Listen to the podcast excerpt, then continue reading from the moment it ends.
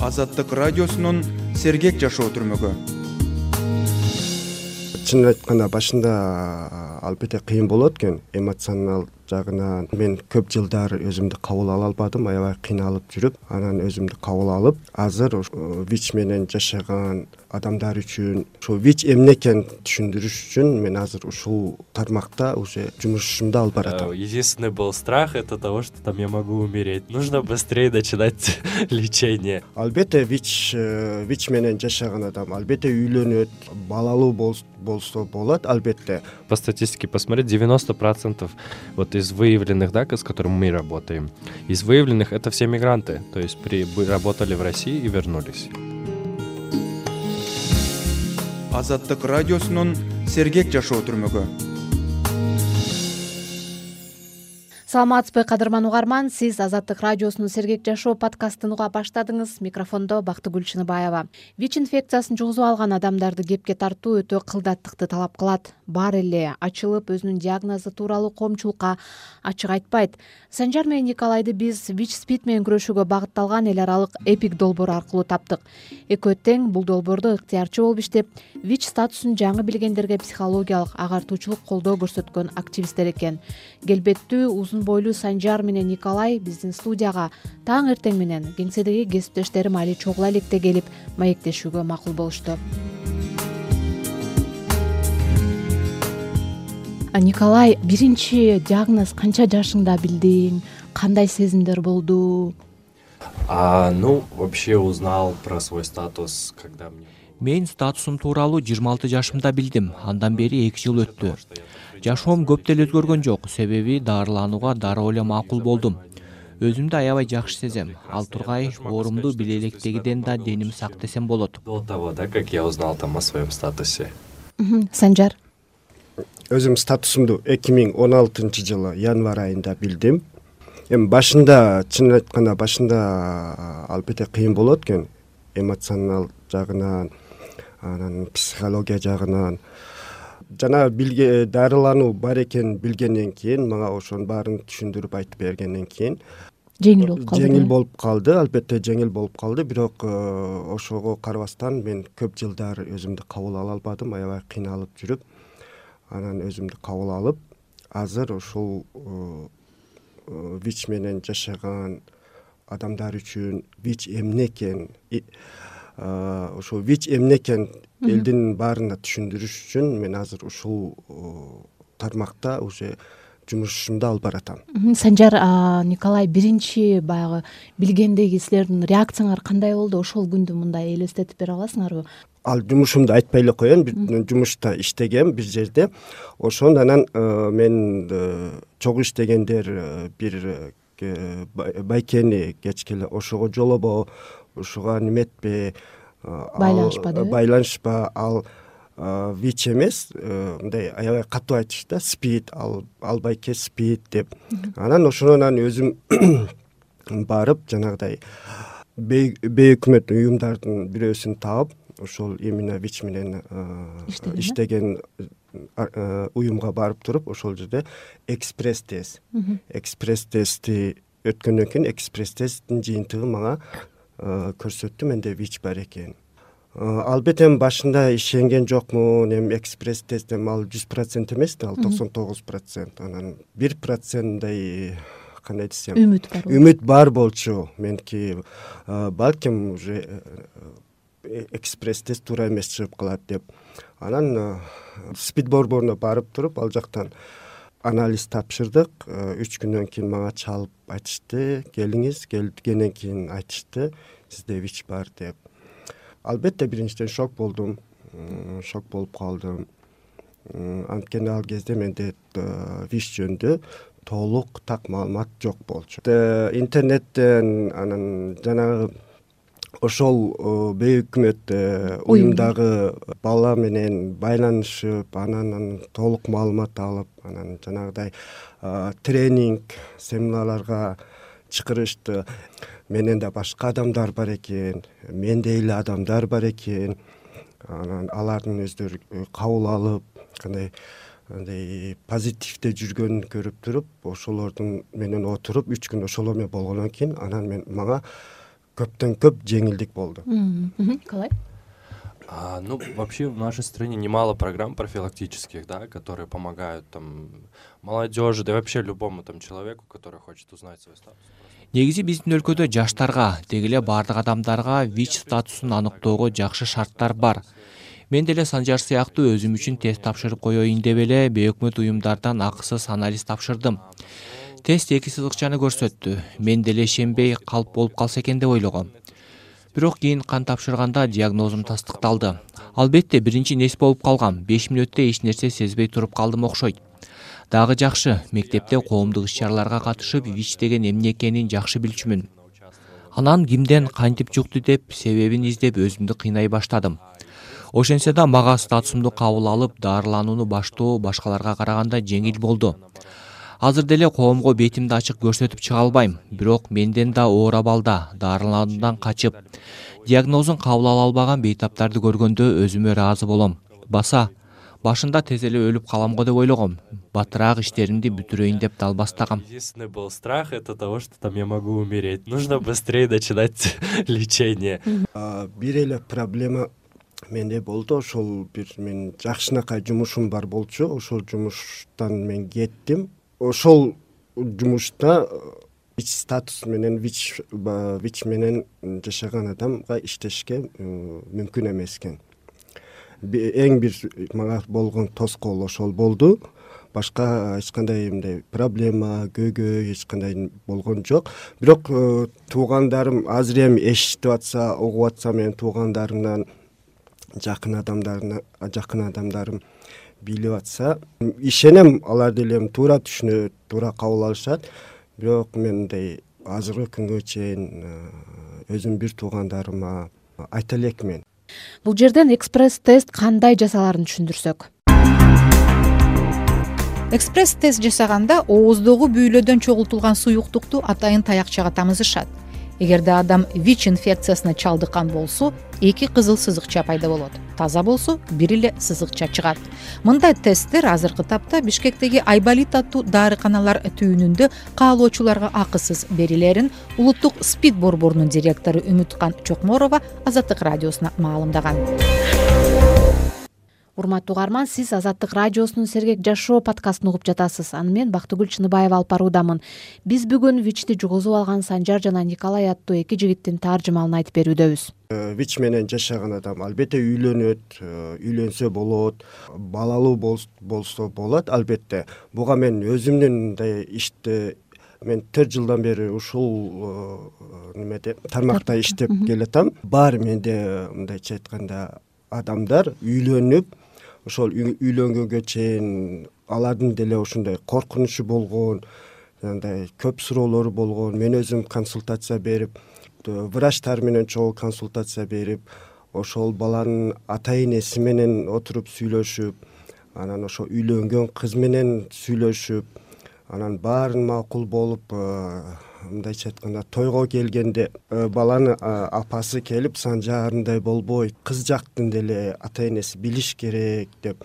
Ал жак менен сүйлөшүп кыскача айтканда ошол башталгандан тойго тойго деле чакырышкан тоюна деле катышканмын азыр балдары бар. Балдарын день рождениясына чакырат. Жеке жашоо курса болот үйлөнсө турмушка чыкса дени сак балалуу болгонго жүз пайыз мүмкүнчүлүк бар. Николай. Сейчас на данное время так как медицина очень хорошо развита азыркы учурда медицина аябай өнүккөндүктөн вичти дарылоо жана алдын алууда мыкты жолго коюлган андыктан үй бүлөлүү болуу көйгөй эмес. Ал тургай адамда вич инфекциясы жаңы эле аныкталып андагы вирустун көрсөткүчү жогору болсо деле басаңдатып ден соолугун чыңдаган дары дармектер бар жыныстык катнашка чейин иче турган вирустан коргоочу таблеткалар да бар. Эгер жубайлардын бирөө таза болуп экинчиси ооруга чалдыккан болсо дал ушул терапиянын түрү менен жашаса болот. Аны азыркы тапта бейөкмөт донор уюмдар бизге бекер берүүдө. Семью на создание семьи в плане здоровья это не влияет.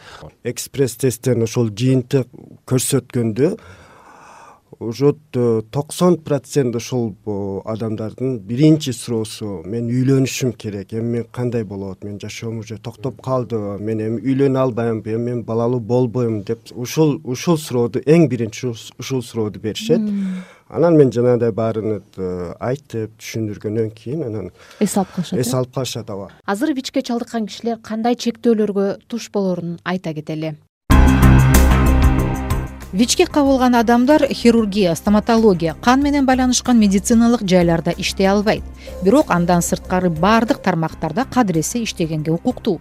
Ошентсе да кыргызстанда көп учурда вичке чалдыккандар өз абалынан уялып коомдун кысымына кабылгандыктан иштей албай калышат. Вич статусу бар адамдар үйлөнүп үй бүлө күтүп ал тургай дени сак балалуу боло алышат. Болгону убагында дарыларды ичип тазалык талаптарын толук аткарып вирусту көзөмөлдөп туруу менен оорунун башкаларга жугуусун алдын алуу керек. Эми ушул оорунун алдын алууга токтолсок да э, профилактикага да э, ооба вич статусу менен жашагандар бар алар үйлөнсө болот деп атасыңар алар кадимкидей иштесе болот деп атасыңар. Албетте жакшы бул нерсенин баары. Бирок баары бир деле дени сак адам ошол оорунун баягы алдын алыш керек профилактика кылыш керек дегендей кандай кеңештерди бере аласыңар? Азыр жыйырма биринчи кылым баардык мүмкүнчүлүктөр бар. Медицина жагынан да профилактика жагынан да мен айтып кетейин жыныстык катнашка чейинки профилактика бар. Орусча айтканда доконтактная профилактика дейт. Өзүнүн жашоодогу жеке жашоодогу күйөөсү аялы вич менен жашаган болсо профилактика менен жашаса болот. Ал профилактика азыр толук кандуу алганга мүмкүн. Э мүмкүн мүмкүнчүлүктөр бар. Эч кандай э, тоскоол жок. Жөнөкөй эле барып туруп ошол борбордук спид центрге же шаардык э, спид центрге барып эле жыныстык катнашка чейинки профилактика керек десе даже айтып кетейин жарым сааттын ичинде ошол алып кетсе болот. Либо из за боязни либо из за незнания. Коркконунан уялганынан же жөн эле кайдыгерликтен улам вич инфекциясы аныкталган адам дарыланбай койсо тилекке каршы кесепети оор болот. Кургагучук сыяктуу оор дарттар да кошо пайда болушу мүмкүн. Бул тизме негизи дарыланбагандарда узара берип кесепети абдан кейиштүү болушу мүмкүн. Тяжелые осложнения. Эми э, вич спид жөнүндө мифтерди сурагым келип атат. Кандай мифтер бар силер мындай аябай күлкүнү келтирген э, ачууну келтирген мифтер. Был такой миф сейчас не уверен что он все еще есть но был такой миф азыр кандай билбейм. бир нече жыл мурда вич спидке чалдыккандар өз канын кинотеатрдагы отуруштарга сүйкөп жуктуруп жатат деген уламыштар тараган. Же бананга вирусту сайып коюшту деп да чыгышкан. Вич инфекциясы адамдын организминен чыккандан кийин көпкө жашай албайт дагы бир миф вич менен ооругандар көп жашабайт өлүп калат деген уламыш бар. Вич менен жашап токсонго чыккандарды көрүп жүрөбүз. Представляете да там девяносто лет? Э, эми дискриминация дедик го стигма дискриминация болот экен да кээ бир менде болгон балдар айтышкан жана чогуу жаша квартирада чогуу жашаган балдар жаткан төшөгүнү бөлүп муну башка комнатага киргизип салып кухнядагы жанагы э, идиш аяктардын баарын эметип сен кашыкка тийбе сен чайнекке тийбе сен э, тифалга тийбе деп э, байкушту неметкен ошондой болот. Ооба өбүшкөндөн жугат деп анан учурашканда жугат деп. Бир жолу бирөө айтып атпайбы троллейбустан жөнөкөй эле маршруткадан ал адам кармайт аны мен барып туруп кармагандан кийин мага да жугушу мүмкүн деп ушундай э, мифтер бар. Керек. Көбү вич дегенде сразу а спид деп түшүнүп алышат да спид деп. Жанагыдай результатты тоже вич көрсөткөндө бүттү менин жашоом түгөндү мен спид экен мен өлөм дегенчи болгон суроо беришет э, сиз билесиз э, сиз точносын айткын мен канча жашайм канча ай жашайм же канча жыл жашайм ошону мага так айтып бериңиз деген суроолор деле болгон. Эми айрым статистикалык маалыматтарга кайрыла кетсек кыргызстанда каттоого алынган вич аныкталган бейтаптардын саны быйылкы сентябрга карай он бир миң жүз элүү бир адамды түзөт. Алардын беш миңден ашыгына оору жыныстык катнаш аркылуу жуккан. Үч миң жети жүздөн ашык киши парентералдык жол менен башкача айтканда ийне сайганда же кан компоненттерин куюу маалында жугузуп алган каарманыбыз николай акыркы мезгилде миграцияда жүрүп оору жуктургандар арбыганын айтат. Орусияда быйыл январдан тарта мигранттар бул өлкөдө иштерде сөзсүз вичке анализ тапшыруу талабы бекиген. И что еще самое интересное, то, что наши ребята, люди едут эң эле кызыктуу жагдай бизден таптаза кеткен эмгек мигранттары орусияга барып келгенден кийин же ал жакта жүргөндө вич статусу аныкталып жатканында бизге кайрылган оорусу жаңы аныкталгандардын токсон пайызы мигранттар болууда. Албетте бул ооруну орусиядан жуктурду деп так айтуу мүмкүн эмес бирок көптөр таза кетишет кайра келгенде эле вирус чыгып калууда. Кокус орусиядан статусу билинип калса миграциялык кара тизмеге кирип ал өлкөдөн чыгып кетип кайра барганда чек арадан токтотуп артка кайтарышат. Угармандарга айтаарым орусияга барып иштердин алдында сөзсүз вичке анализ тапшырдыңыздар Здоровы, и вы сможете работать дальше, что вам не придется вернуться назад. Санжар мигранттар демекчи ошол мигранттар көбүнчөсүн региондордон барган мигранттар болуп атат ошондой э? Көбүнчө региондордон болушат анан бишкектен деле болушат. Э, негизи биз бишкекте иштеген менен ошол жанагы бизден ушул э, вич э, статусун алгандар биздин жумуш аркылуу көбү региондордон болушат. Бишкекте окушат бишкекте жашашат эмне каалайсыздар эң акыркы суроом болсун. Каалоо эмне? Мисалы үчүн угармандарга же балким өзүңүздөргө ичиңерде кандайдыр бир кыял барбы? Эмнени кыялданасыңар? Кандай каалоо тилектер бар А, наверное, мой ответ будет немного провокационный, но вообще у меня... менин жообум адамдардын көбүнө жакпаса керек. Бирок мен өзүмдүн вич экенимди билгенден кийин ичимде бул оорунун алдын алууга байланыштуу аябай чоң максаттарды койгом биздин мектеп окуучуларынын баардыгы класстык саатта же атайын сабак катары жыныстык жетилүү жыныстык катнаштагы сабаттуулук тазалык деген теманы окушса сонун болот эле. Себеби мындай теманы бала чактан билүү маанилүү. Мейли биринчи класстан төртүнчү класска чейинкилер окубай эле койсун. Бирок жетинчи класстан өйдө баары билиши керек. Өспүрүм курактагыларды агартуу менен гана мындай оорулардын алдын алса болот вич жана башка жугуштуу оорулардан алар өзүн кантип коргосо болоорун билиши керек менин ушундай билим берүү министрлигине чоң өтүнүчүм эле эмес жан дүйнөмөн чыккан кайрылуум бар да жаштар коргонуу дарылануу жолдорун билсинчи защитить себя, как лечить и все остальное. Вот мое такое большое желание. биринчиден ошол суранып да суранып кетемин ар бир жок дегенде үч айда бир жок дегенде алты айда бир ошол экспресс тесттен өтүп туруп сол кишидер э? Сол баардык баардык сол э, баардык адамдарга ошону чакырып анан экинчи суранып кеткеним жанагы эле айткан э, жыныстык катнашка чейинки профилактика эң сонун мүмкүнчүлүк бар. Каплет э, э, жанагы жыныстык катнашта болгондо албетте кандай учурлар болбосун кандай моменттер болбосун презерватив колдонуш колдонуп презерватив жана доконтактный профилактика бул жүз эмес эки жүз пайыз уже тоскоол болот да кыял албетте кыялдар көп.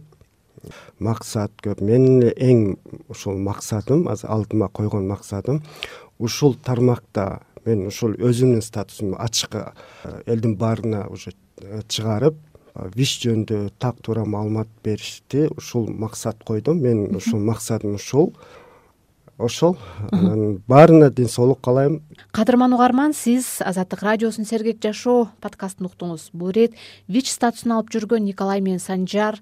Бул оору менен жашоонун өзгөчөлүктөрү жөнүндө айтып беришти. Уктурууну мен бактыгүл чыныбаева даярдадым. Оорубаңыз. Кантип ден соолукту чыңдап сергек узак өмүр сүрсө болот? Азаттыктын сергек жашоо подкастында азыркы медицинанын жетишкендиги жана адамзатты апааттан сактап калган илимий ачылыштар дарылоонун жаңы ыкмалары жөнүндө айтып беребиз. Адистердин кеңешин угуп бейтаптарды кепке тартабыз. Сергек жашоо түрмөгүн apple google spotify аянтчаларынан ютубтан жана азаттык чекит орг сайтынан угуңуз оорубаңыз